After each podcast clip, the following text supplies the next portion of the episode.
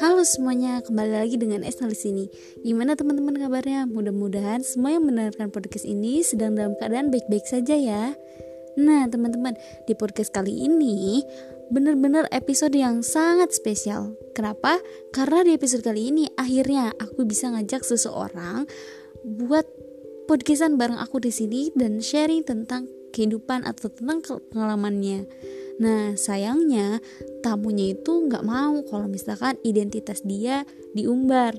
Tapi mudah-mudahan sih ketika teman-teman mendengarkan suaranya dan ceritanya, mungkin ada beberapa yang tahu, oh ini tuh pasti sini.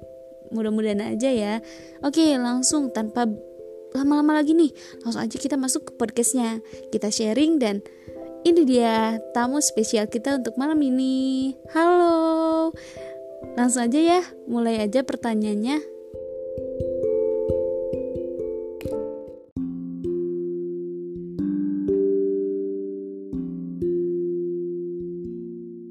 Oke, kita masuk ke pertanyaan yang pertama ya. Sebelumnya aku mau tahu nih, kamu punya teman gak sih? Hmm, pastinya punya lah. Oke, menurut kamu teman itu definisi dari seorang teman itu apa sih? Uh, kalau definisi pasti sih nggak nggak tahu juga ya, cuman yang yang hadir itu nggak selalu hadir juga. Nah, kalau temannya menurut gua selama yang gua alami gitu saling mutual aja dah Berarti kalau nggak mutual itu bukan temen. Iya mungkin karena itu gimana? Ya? Gue mikir gitu tuh karena dari pengalaman-pengalaman gue gitu. Banyak temen tuh nggak nggak jadi kita gimana ya? Pokoknya selama banyaknya pengalaman pertemanan gitu ya, gue memandang pertemanan tuh hanya sekedar mutual ada simbiosis mutualis ada ada kebutuhan ya berarti. Iya. Ya berarti orang nggak pernah dong. Eh gimana? Ya karena orang gue menganggap orang lain pun gitu ke gue gitu. Dulu gue mungkin nggak berpikir begini apa bahwa pertemanan sekarang tuh emang harus mutual dulu mah yang penting selalu ada main ke mana ada. Tapi dengan seiring pengalaman pahitnya gitu. Pertemanan yang semu yang yang, yang jadiin gue gini gitu. Uh, oke okay. terus uh, aku mau nanya lagi nih. Kamu tuh bahagia dengan teman yang sedikit atau kamu bahagia dengan banyaknya teman di sekitar kamu? Kalau untuk saat ini, teman yang sedikit. Iya, teman yang sedikit sih. Oke, okay. uh, eh, kalau misalkan dengar dari tadi jawabannya, tadi kan bilang kamu bilang kalau misalkan mutual ya tentang teman itu saling membutuhkan, begitu. Berarti kamu gak percaya dong atau intinya fuck them buat yang bilang kayak uh, lu datang ke gua pas ada butuhnya doang iya gak sih iya dulu kan ada ada konflik itu juga. Nggak bukan. Iya dari iya. gua dari orang lain pun gitu. Oke berarti uh, buat sekarang kalau misalkan ada teman yang datang ke kita karena mereka ada butuhnya aja berarti it's okay dong selama kita, uh, dia juga bisa ngasih impact atau bisa suatu saat dia baik ya uh, atau kamu butuh dia gitu. Iya iya sih kalau nggak apa-apa sih. Udah menjadi hal biasa ya kayaknya semua orang bakal men, uh, ke fase itu. Ke fase di mana pertemanan tuh bukan tentang selalu hadir main ke mana ke sini ke sana. Lebih ke mutual. Kayaknya bukan gue doang tapi tapi mungkin ya yang ngebentuk gue gini tuh memikirkan bahwa peter, peter, pertemanan gini pun ya dari hasil pengalaman-pengalaman yang lalu gitu. Oke, terus kamu percaya nggak sih dengan adanya pertemanan yang toksik? Ibarat kata misalnya kamu tuh dimanfaatkan oleh beberapa orang gitu, tapi uh, karena mungkin kamu terlalu butuh sama teman yang namanya teman, jadi kayak oke okay, gue mau diapain juga mau dimanfaatin terserah yang penting lo harus ada buat gue gitu. Pernah gak sih ada di pas kayak gitu dan percaya gak sih sama hal-hal kayak gitu tentang pertemanan yang toksik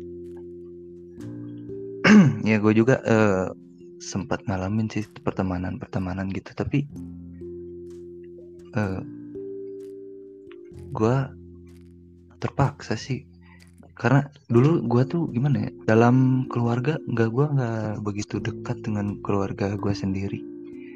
Akhirnya pelarian gue ke pertemanan. Mau pertemanan gue toksik mau apa yang penting gue dapat kebahagiaan di situ. Pertemanan jadi comfort zone gue gitu. Gue nyaman di diem di situ. Karena muak dengan keadaan keluarga jadinya mau nggak mau ya gue diem di situ even itu toxic gitu. Ada apa mempergunakan gue lah. Gue bukan yang menyembuhkan diri. Iya maksudnya gue eh, lahir dari ke keluarga yang berada gitu.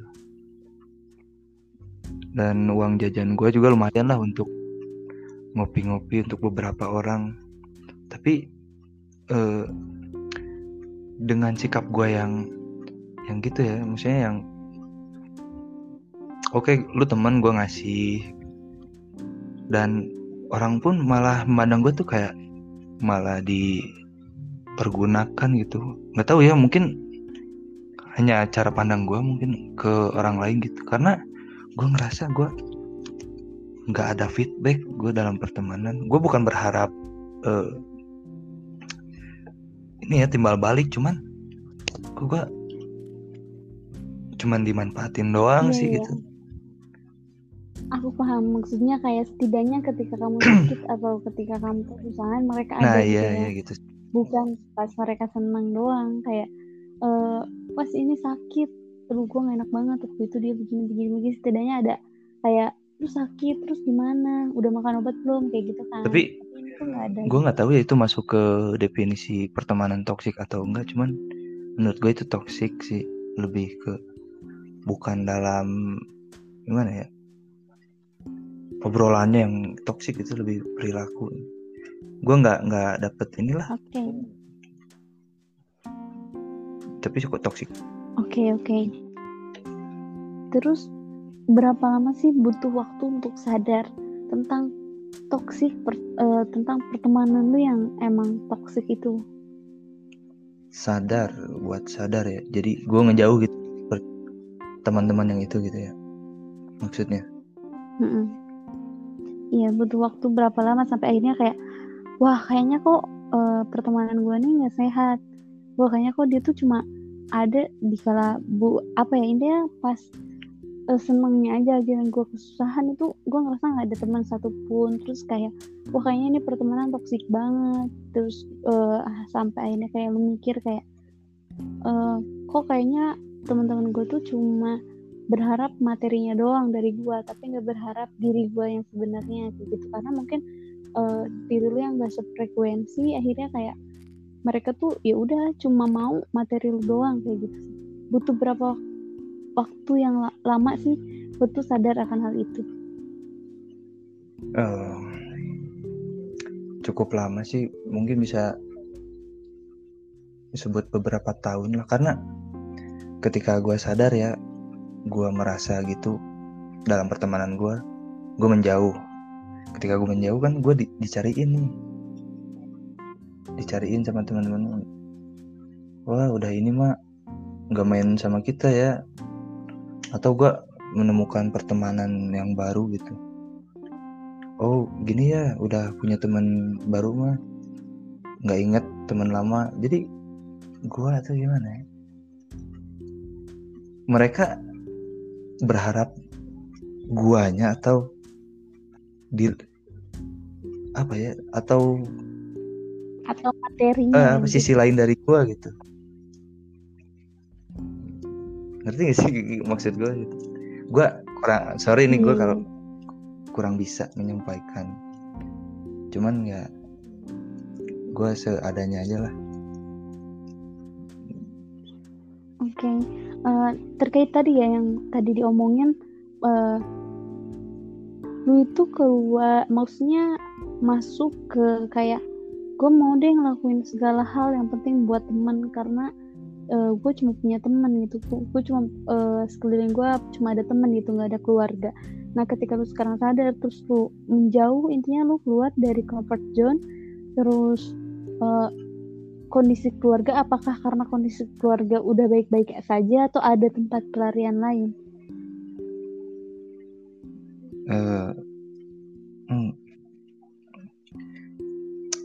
Enggak juga sih, kondisi keluarga masih sama juga. Ya gue lebih akhir-akhir ini setelah banyaknya itulah dalam pertemanan, kekeluargaan, gue lebih memilih untuk menyendiri, lebih introspeksi diri. Memandang diri gue ke depannya mau gimana. Uh, begitu mungkin.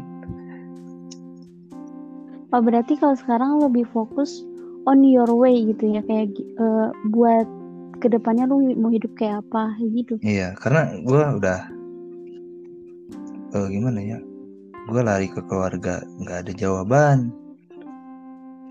Gue ke pertemanan pertemanan semu. Kayaknya nggak ada jalan lain buat hmm. karena kayaknya cuma diri gue sendiri yang bisa jawab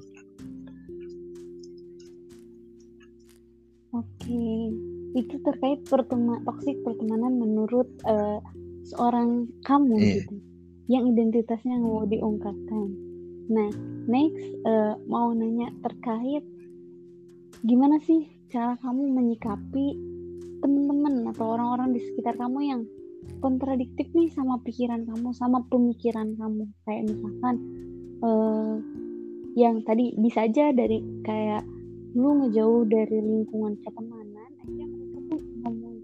kedengkian kayak uh, apa pun yang kamu omongin akhirnya jadi kontradiktif sama mereka. Jadi nggak ada gitu yang satu haluan sama kamu gitu. Karena disebabkan uh, oleh sikap kamu yang itu kan dari sikap kamu yang menjauh kayak gitu. Nah gimana sih cara kamu menyikapi hal-hal seperti itu? Gue nggak peduli sih. Gue nggak peduli uh, orang mau ngomong apa. Untuk saat ini gue nggak peduli orang mau sebenci apa ke gue karena pemikiran atau gimana ya, jalan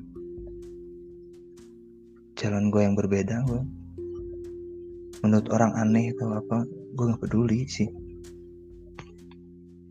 Kayak orang semua orang punya pemikirannya sendiri punya jalannya sendiri.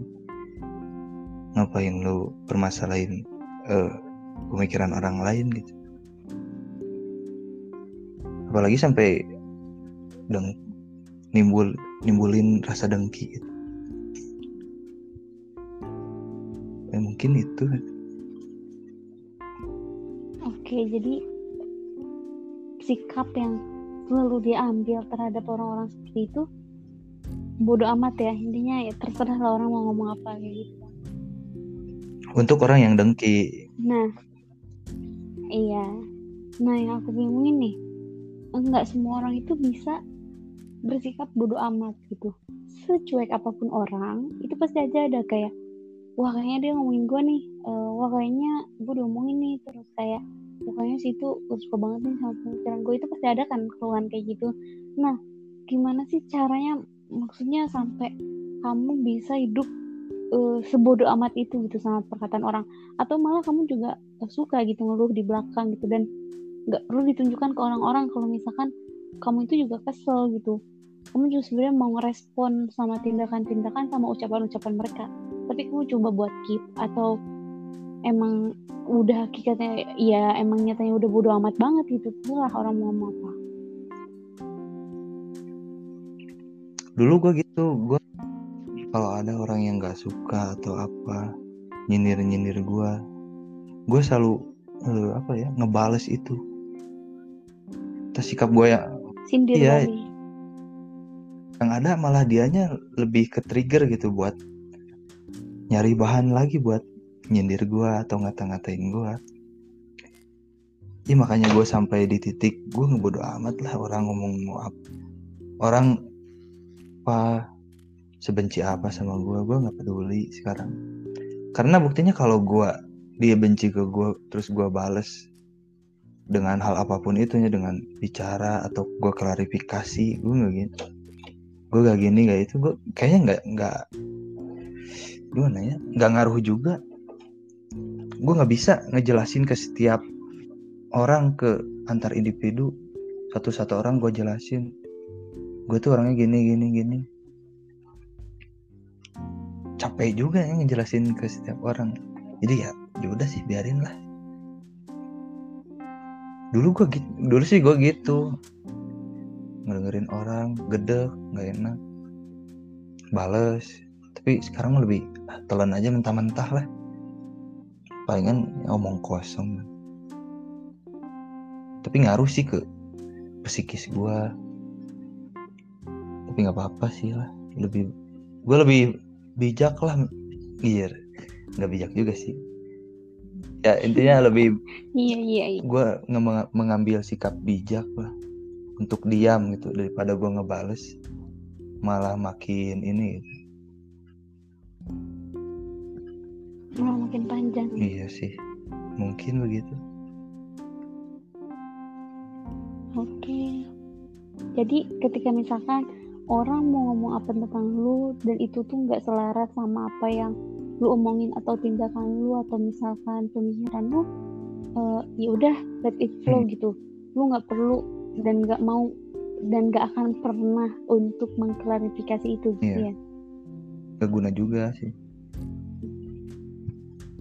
Jadi biarin orang-orang itu eh, tetap mandang jelek eh, kayak gitu. iya nggak apa-apa Oke. Tapi kamu takut gak sih kalau misalkan dari sikap kamu yang kayak gitu, yang akhirnya kayak misalkan setiap ada kan kalau misalkan omongan dari mulut ke mulut ada aja ya lebihnya gitu. Nah terus misalkan eh, karena tidak ada klarifikasi atau tidak ada kayak pembelaan diri dari kamu, eh, akhirnya orang-orang tuh ya udah punya pemikiran yang ya berasumsi yang kayak gitu gitu. Kalau misalkan eh, kamu tuh orangnya begini begini begini gitu dan akhirnya banyak orang yang nggak bakalan nemenin kamu yang nggak mau berteman sama kamu nggak mau punya hubungan sama kamu gitu. Nah kamu pernah nggak sih mikir kayak gitu? Atau kayak ya udah kalau emang nggak mau temen sama gue tuh gue masih punya siapa? gitu. Atau kayak gimana? Iya kayak kayak pertanyaan tadi aja yang awal-awal. Antara memilih kawan banyak atau kawan lebih sedikit. Ya gue gue nggak peduli sih banyak nggak banyak yang nggak suka banyak yang nggak ini. Karena emang gue adalah circle yang di mana gue ini ngerti banget gue menurut gue ini ya. Karena gue tunjukin kejelekan gue gue belak-belakan tentang diri gue mereka lebih mengerti gue kata-katain atau hal apa gitu. Lebih nggak nggak baperan dibanding teman-teman yang sebelumnya gitu. intinya gue orang yang gak negatif lah bagi gue toh toh masih ada juga teman-teman yang positif gitu. Ngapain gue fokus ke yang negatif? Sedangkan yang positif juga masih ada gitu. gue lebih peduli orang-orang yang emang ngerti gue gue pun sebaliknya gitu. Karena pertemanan circle gue juga sama mereka juga dalam pertemanan-pertemanan sebelumnya gitu. Pengalaman dengan gue gitu. Yang di mana orang-orang tuh cenderung gak mau berteman karena gini gini gini. Kayaknya perbedaan hal apa pun itu kayak dijauhi atau apa. Oke, tapi kamu sadar nggak sih kalau misalkan dengan banyaknya teman, dengan kita mau perbanyak teman, relasi kita juga akan semakin luas. Itu kan akan memudahkan kita di uh, kemudian hari gitu. Nah cara kamu uh, mempersiapkan diri kamu nih karena nggak ada teman-teman di masa sekarang untuk kamu nanti di masa depannya kamu itu mau kayak gimana? Apakah uh, kamu mencari orang-orang yang baru dan tanpa harus berteman hanya untuk kenalan dan bisnis doang atau gimana kalau menurut gue sih hmm, untuk jangka ke depan ini ya. Mm-mm. Mungkin dalam hal pekerjaan gitu ya. Mungkin dia jadi apa antar uh, gimana ya? Kalau untuk ke depannya sih pertemanan gue melihat pertemanan tuh nomor sekian lah dibanding yang gue utamain lah skill gue talenta gue untuk bisa uh, bekerja di bidang apa gitu. Kayaknya kalau menurut gue ya ini saking sempitnya gue gitu dalam uh, melihat pertemanan gitu. Kayaknya gue lebih fokus ke skill gue sih untuk ke depannya mah. Nggak butuh relasi dari teman Oke, berarti dapat disimpulkan kalau misalkan kamu itu lebih memilih uh, dari mulai sekarang ini cuma fokus mengasah skill, mengasah kemampuan kamu dan tidak fokus dulu nih terserah lah nggak punya relasi di uh, di hari ini yang penting ketika kamu skill kamu udah berkembang dan kemampuan kamu udah bagus nanti juga toh ketika kamu udah menjadi orang besar orang itu akan banyak menghampiri hmm, gitu tapi maksudnya. tapi relasi perlu itu ya buat buat uh, jangka panjang. Maksudnya untuk masa depan gitu relasi perlu ya bukan ini mah mungkin gua gua doang. Iya, iya. tapi gua juga iya kayak uh, circle pertemanan gue juga ada. Emang yang maksudnya yang yang teman-teman solid gue gitu ada. Ada yang orang tuanya korporat ada yang dari pemerintahan kayaknya circle gue yang kecil pun tapi eh, pengaruh besar masih gue lebih beruntung sih dibanding relasi yang gede tapi ya nggak ada apa-apanya dibanding circle gue yang kecil gitu. hanya bisa di pertemanan gue teman gue yang bisa dihitung jari gitu. Berarti lebih memilah dan memilih ya untuk untuk perihal teman pak Sini setelah pengalaman-pengalaman yang lalu